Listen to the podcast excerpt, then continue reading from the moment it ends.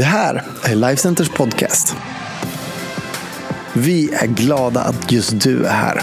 Allt du behöver veta om oss och vad som händer i kyrkan det hittar du på Lifecenter.se och våra sociala medier. Här kommer veckans predikan. Live Center, Västerås och era andra campusar. Så fantastiskt roligt att få eh, predika till er idag. Eh, Per-Johan och Ulrika, ni är ju så goda vänner till oss. Vi uppskattar er, vi uppskattar hela kyrkan enormt mycket eh, och vi har ju träffats många gånger genom åren. Så att jag är så glad att få predika till er idag.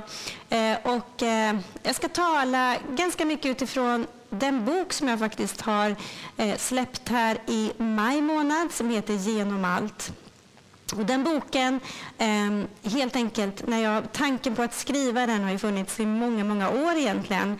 Eh, och jag visste ju inte, hade ingen aning om när vi satte datumet för släppet då i maj, att det skulle hamna mitt i den här eh, coronakrisen. Eh, så boken skrevs ju eh, egentligen helt innan det. Sen la jag till ett litet kapitel i slutet. Ehm, och eh, boken handlar ju om psykisk ohälsa, drömmar och identitet. Och jag tror att det är viktigare än någonsin att tala om precis de här sakerna. Att eh, Gud bär genom alla situationer. Han bär, han bär oss igenom de soliga, fantastiska dagarna. Eh, men han bär oss också faktiskt igenom passager i livet som alla förr eller senare på olika sätt drabbas av. Nämligen tider som kan vara mörka, och eh, han kan bära även i psykisk ohälsa. Eh, han kan i de situationerna också ge dig drömmar och han vill också hjälpa dig att hitta din identitet i vem du är i Gud. Eh, så det är det jag ska tala om idag. Ehm, det var ju så att jag, jag, var, jag växte upp i en, i en kristen familj Härlig fin familj, eh, inte något traumatiskt, inget konstigt alls. Men jag växte upp med en en oro på något som fanns i mig som jag inte riktigt vet var den kommer ifrån egentligen. Eh, och eh, den här oron försvann inte ifrån mig helt. Eh, jag tryckte undan den genom åren. Jag lärde mig att leva med den stundtals. Men på något sätt så blommade den först upp i mitt liv när saker och ting var stabilt, när jag hade gift mig med min Anders. Och helt plötsligt så var det som att allt kom upp till ytan. Jag tror att det var för att Gud ville Eh, att jag skulle förstå att jag kunde få min rätta identitet och trygghet i honom själv. Eh, och det är det som egentligen boken handlar om. boken handlar om vägen ut i frihet för mig. Eh, där, där jag upptäckte att Gud var med mig i de mörkaste stunderna. och, men att han gjorde någonting faktiskt även där som gav mig sen kraft att kunna nå höjderna. Och det är ju lite så med livet, eller hur? Att det är både och. Eh, och jag tror att eh, den tiden som vi är i just nu i Sverige, inte bara i Sverige utan globalt, så är det mycket som kommer upp i oss. Och jag tror att just därför så är det viktigare än någonsin att prata om de här sakerna. Eh, att Gud är med. Eh, så därför så heter min predikan En Gud som bär genom allt. Och han bär dig genom allt. Eh, kanske är det så här att corona har liksom eh, exponerat saker i dig. Eh, kanske är det så att du rent fysiskt har drabbats av det, av sjukdom, av svaghet i din kropp. Du kanske har någon nära anhörig som har ryckts ifrån dig till och med. Det kan vara ekonomi som har förändrats, arbetssituationer. Eh, på olika sätt så har corona slått hårt på oss. Eh, och, och jag skulle vilja säga till dig att Eh, det är helt okej okay att inte alltid må okej. Okay. Det är okej okay att det kan vara väldigt, väldigt tufft ibland. Eh, man, man kan vara rädd, man kan känna ångest. Men, och allt det här är ingenting att man behöver skämmas för. Så, eh, en av anledningarna till att jag kände att jag ville läm lämna den här boken till Sverige eller ge ut den, det var just också att hjälpa folk att våga prata om de här sakerna och söka hjälp. För om du eller jag får ont i vårt ben, eh, vi skadar en arm, så är det ingen av oss som tycker det är konstigt utan vi går till läkaren direkt. Men när vår själ gör ont, när vi känner att vi brottas med kanske oro, då på något sätt så tycker vi det är jättejobbigt och så kan vi gå och bära det oerhört länge och onödigt länge. Och till slut så kan det ha gått så vi har tryckt ner det så länge så till slut så bara exploderar det på olika sätt. eh, vilket kan ge liksom olika konsekvenser. Så jag hoppas verkligen att du som lyssnar på det här känner så här att eh, om du behöver prata med någon, gör det. Eh, därför att det kan vara så att det kan hindra dig från saker som kan göra att saker blir ännu värre. Eh, och det är så att Gud har inte tänkt att vi ska gå runt och må dåligt och bära på onödiga bördor, utan han vill hjälpa oss. Och jag ska ta upp tre olika områden idag som hjälpte mig i min väg mot frihet. Eh, därför att som sagt, jag uppväxte i ett kristet hem. Jag visste rent intellektuellt sett att jag hade en Gud som älskade mig. Men på något sätt så hade det inte ramlat ner i mitt hjärta. Så att när, när oron och ångesten kom så starkt i mig, när jag eh, hade problem, jag vågade, vågade, inte vara själv. Det här är ju då eh, i slutet på 90-talet, så det är många år sedan. Jag vågade inte vara själv hemma. Det påverkade mig i alla delar i mitt liv. Och trots det så visste jag att ja, men Gud är ju med mig. Jag visste det rent intellektuellt sett. Men på något sätt hade det inte fastnat i mitt hjärta. Det hade inte blivit en uppenbarelse för mig att det faktiskt var så. Så att jag tvivlade på att Gud verkligen var med mig. Eh, och eh, den här, hela den här processen som, som sen blev en väg ut i frihet, även om det tog faktiskt över två och ett halvt år innan jag såg att vändningen fullständigt kom för mig. Eh, det var några, nyckel, eh, några nycklar som jag fick med mig faktiskt. Och Det var också att jag lärde känna en treenig Gud. För vi lär oss i, eh, i söndagsskolan, eller om, om du har varit med i kyrkan länge, eller oavsett vem du är och var du har funnits, om du har rört dig i kyrkliga sammanhang så har du hört att det finns en treenig Gud. Eh, kanske är du precis ny i tron och det här är helt nytt för dig. Men vi pratar om Gud Fader, vi pratar om Jesus Kristus och vi pratar om den helige Ande. Det finns en treenig Gud. Vi tror på en treenig Gud. Och det, det Gud förde mig in i när han ville lära mig och han ville hjälpa mig ut på andra sidan av ångest och mörker och de djupa, tuffa tankarna, det var att förstå vem han är. Och jag lärde känna Faderns kärlek. Jag lärde känna Jesus som smärtornas man. Och jag lärde känna den helige Ande som min hjälpare. Och eh, här tänkte jag att jag skulle dela med er idag. Det är också ett kapitel faktiskt ur min bok som handlar om det. Saltaren 103, 13-14 säger så här. Så som en far förbarmar sig över barnen så förbarmar sig Herren över dem som vördar honom. För han vet hur vi är skapade, han tänker på att vi är stoft. Som en far förbarmar sig över barnen, så förbarmar sig Herren över oss. Alltså en far, det står vid ett annat tillfälle i Bibeln att, att om någon ber om en, ett ägg så ger ju inte fadern en, en sten. Ehm, och som förälder så vet vi att vi vill ge våra barn det våra barn behöver. Eh, samtidigt så vet vi att Bibeln säger att vår far i himmelen, han, hans faderliga kärlek går inte att jämföra med någon av våra mänskliga eh, försök att älska. Vilket, jag menar, ens kärlek till sitt barn är ju enorm när man har fått ett barn. Eh, men den kärlek Gud är så långt mycket större. Och jag visste det rent intellektuellt att jag hade en far i himlen som älskade mig. Men jag hade inte förstått betydelsen av det. Eh, och kanske sitter du och tittar på det här och du, du brottas också med de här känslorna av att Gud är din far.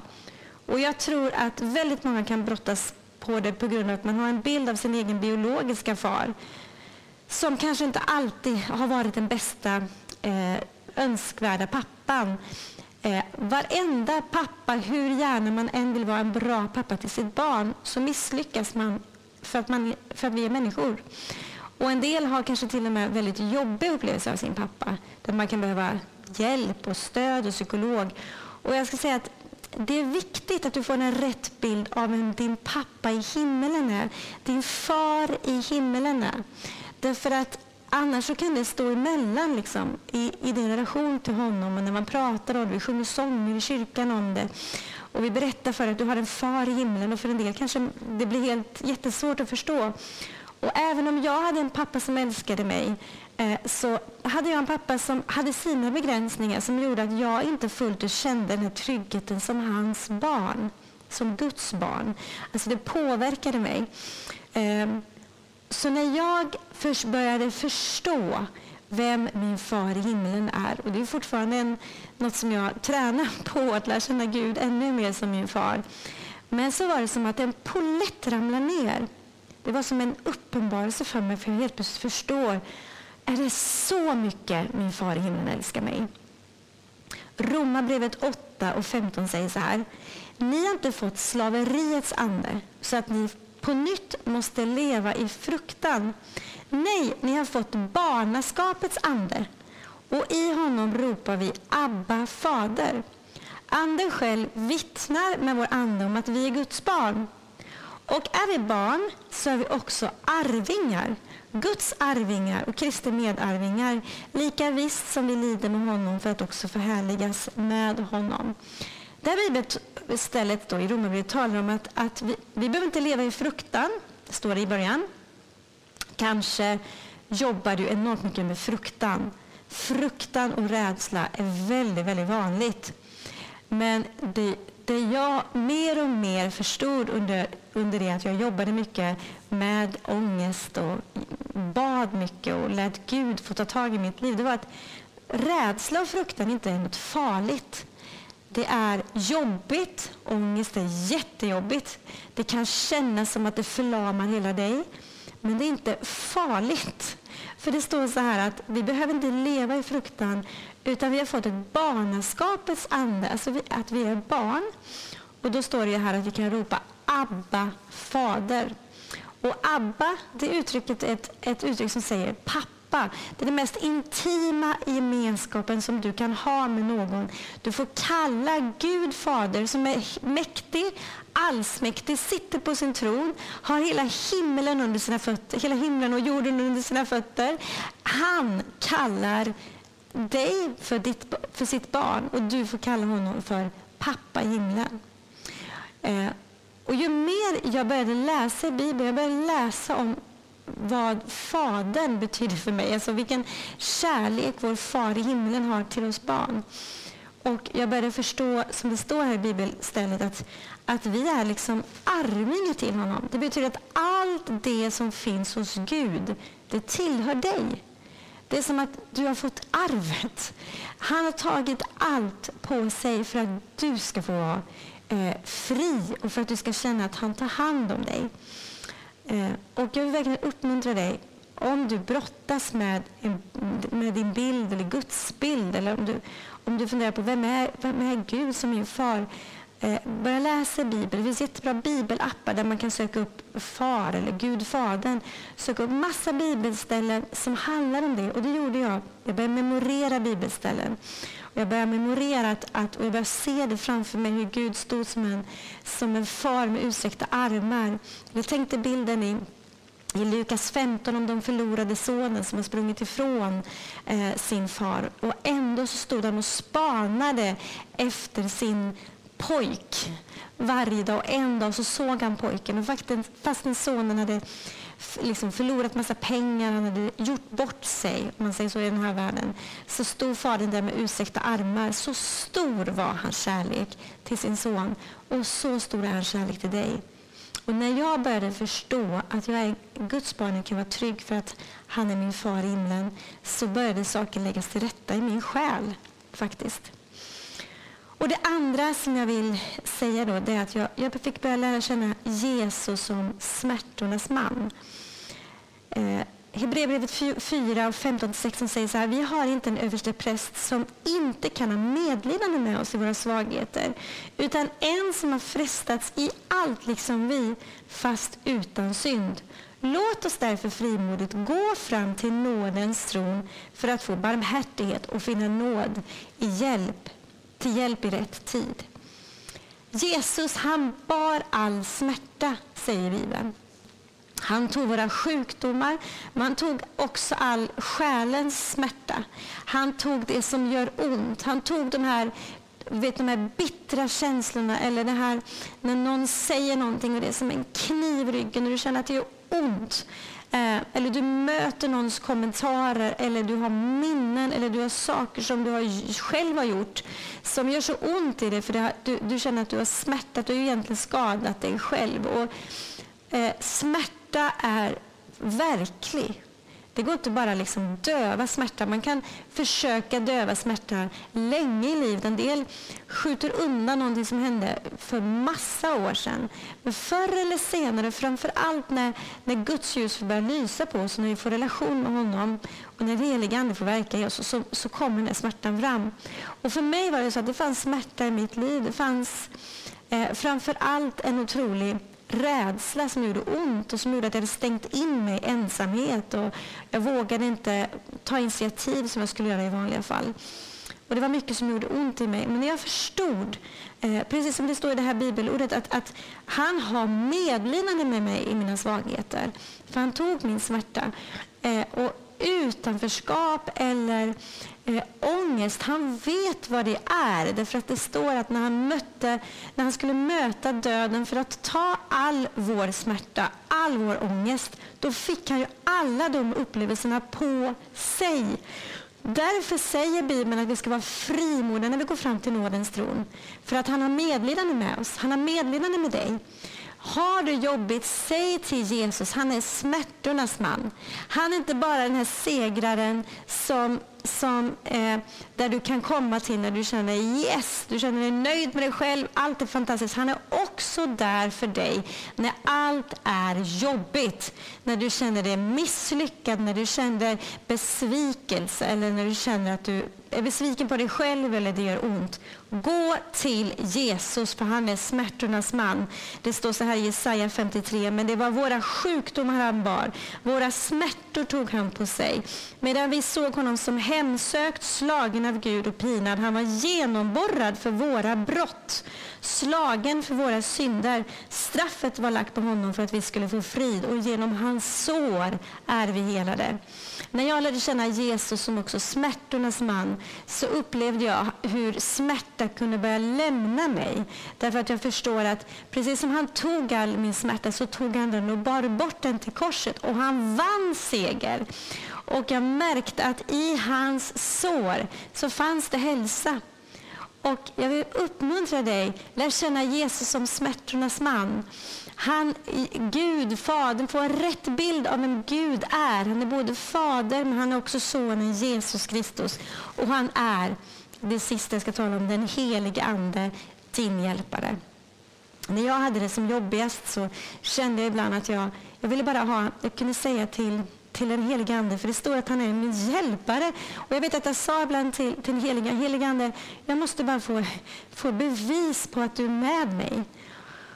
Och ibland kan jag ha så svårt att bara ta mig iväg någonstans eller gå. Jag, jag pluggade på, på universitetet i Karlstad och jag kunde vara så rädd när jag skulle gå in i lektionssalen. Jag kunde behöva gå in på toaletten och bara ställa mig framför spegeln och bara, heliga Ande, låt mig få känna att du är här. Eh, låt mig få känna din närvaro. Och jag vet så många gånger när jag bara stod där så upplevde den helige Ande mötte mig. Och den helige anden liknas vid vår hjälpare. Romarbrevet 8.26 säger så här. Så hjälper också Anden oss i vår svaghet. Ty vi vet inte vad vi bör be om, men Anden själv ber för oss med suckar utan ord. Och han som utforskar hjärtan vet vad Anden menar eftersom Anden ber för de heliga så som Gud vill. Anden suckar för dig, eh, står det. Vi vet inte alltid vad vi bör be om. Men den heliga Ande, som är den tredje delen i gudomen, han finns alltid nära dig och han är hjälpare. Den heliga Ande kan vara den som hjälper dig när du ska läsa Bibeln, så Bibeln blir levande helt plötsligt. Den heliga Ande kan ge dig kraft och styrka så att du känner att du klarar av den här dagen. Den heliga Ande kan ge dig fylla dig med sin närvaro. Och jag vet så många gånger jag upplevt hur kraft hur jag har känt mig kraftlös eller hur jag har känt mig ledsen för något eller jag har känt mig rädd för något och jag bara har öppnat mig och sagt helige Ande kom. Och den helige Ande har sköljt över mig och jag har kunnat få känna hur oro får bytas mot frid. Hur kraftlöshet får vändas till styrka. Därför att den helige Ande är din hjälpare. Han vill hjälpa dig. Vad det än du står i för situation. Han vill hjälpa dig i ditt jobb. Han vill hjälpa dig eh, i att vara en bra mamma till dina barn. Eh, och Det kan man behöva ibland, eller hur? Han vill hjälpa dig i ditt äktenskap. Han vill hjälpa dig i dina relationer med vänner. Han vill hjälpa dig med ditt plugg. Han vill hjälpa dig i det du står i. Den helige Ande är din hjälpare. Och när jag mötte Gud som min far, Jesus som smärtornas man och den helige Ande som min hjälpare och jag började få en bredare bild av vem det var som var min Herre, så började min identitet formas på ett nytt sätt.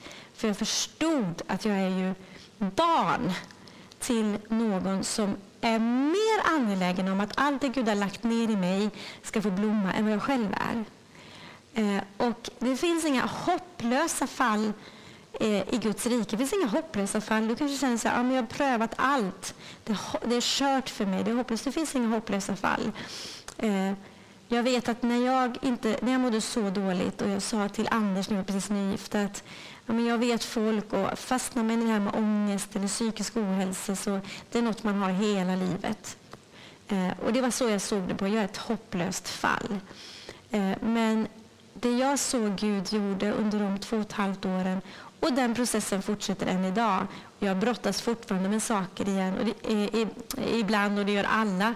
Det finns perioder när jag får jobba med oro, det finns perioder när jag känner att, att jag brottas mer än, än jag tycker att jag ska göra. Men jag har sett att oavsett så är Gud med mig och han bär mig genom allt.